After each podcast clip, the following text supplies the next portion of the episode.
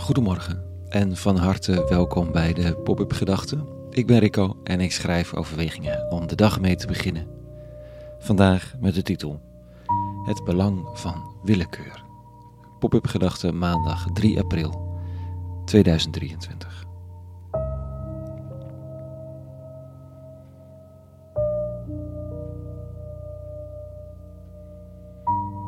Het is alweer bijna Pasen. Overal botten bomen uit. Fris groen langs de, takken van die winterse stammen. Het voorjaar zit in de lucht. En tussen de regen door ruik je de lente.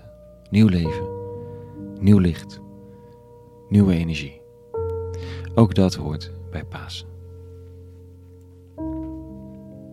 Maar wat ga ik ermee doen, hè? Wat vraagt terecht mijn aandacht en wat mag nog wel even wachten? Aan wie en wat mag ik tijd, liefde, aandacht, geld en inzet geven? En wat heeft het eigenlijk niet zo nodig? En als ik het aan het ene geef, dan kan ik het niet aan de ander geven. En ellende is er genoeg, dat is het probleem niet. En verloppen van hulporganisaties te over, zaken om je over op te winden ook. En om de barricades voorop te gaan. En dan heb je nog vrienden, familie, je werk, studie. Hoe doe je dat goed? Evenredig, gebalanceerd. Het is denk ik de vraag of dat wel kan, evenredig, gebalanceerd. Voor mij was het behulpzaam om de willekeur te erkennen. Afgelopen zaterdag vroeg iemand het weer tijdens een lezing dat het, dat het heel tof is om je in te zetten voor vluchtelingen dichtbij en ver weg. Mm, maar wat zeg je dan tegen die mensen die al acht jaar zitten te wachten op een huis en die zeggen: Wat doe je voor ons dan? En daar is geen gemakkelijk antwoord op te geven. Maar in gesprek met de zaal kwamen we al snel op de willekeur die je ook ruiterlijk kunt erkennen. Ik ben hierdoor geraakt. Ergens onder mijn middenrif, fysiek, emotioneel.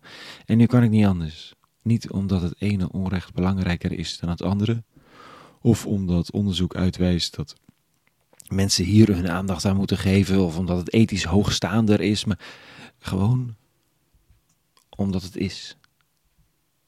Als mijn tante van de trap valt, laat ik alles los en ga ik kijken of ik kan helpen. Ja toch, het is familie. En ook dat is willekeur.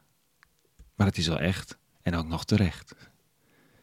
Soms worden mensen familie, al kruipt er dan geen bloed waar het niet gaan kan.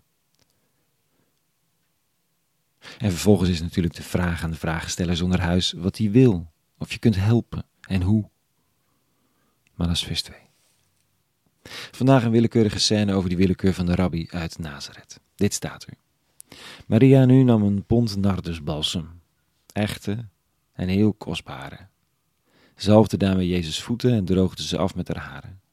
Het huis hing vol balsemgeur. Daarop zei Judas Iscariot, een van zijn leerlingen, dezelfde die hem zou uitleveren: Waarom is die balsem niet voor 300 denaries verkocht en het geld aan de armen gegeven? Hij zei dat niet omdat hij bezorgd was voor de armen, maar omdat hij een dief was en uit de beurs die hij bewaarde wegnam wat erin kwam. Goed, Judas rekent en steelt, zegt de briefschrijver, maar hij rekent ook. Hij vindt de willekeur van die Maria maar overdadig. Terwijl deze Maria de zus is van Lazarus, hè, die beroemde, die in een verhaal eerder uit de dood is opgewekt. Ik snap haar wel, daar weegt geen geld tegen op. Maar er is natuurlijk altijd ander leed dat erger is of belangrijker is of meer aandacht verdient. Maar ja, het moment werkt niet met berekeningen en liefde ook niet echt. En de rabbi grijpt het gebeuren aan om vast vooruit te blikken op zijn eigen sterven. Laat haar begaan, zegt hij. Zij heeft dit gebruik onderhouden vooruitlopend op de dag van mijn begrafenis. Want de armen houdt u altijd bij u. Mij echter niet altijd.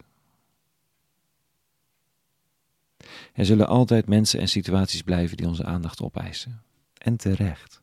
Belangrijke zaken om je voor in te zetten. Maar het zegt niet dat je niet met hart en ziel geraakt kunt zijn door iets of iemand in het moment. Neem die ruimte. Laat je raken. Als het familie is en ook alsof het familie is.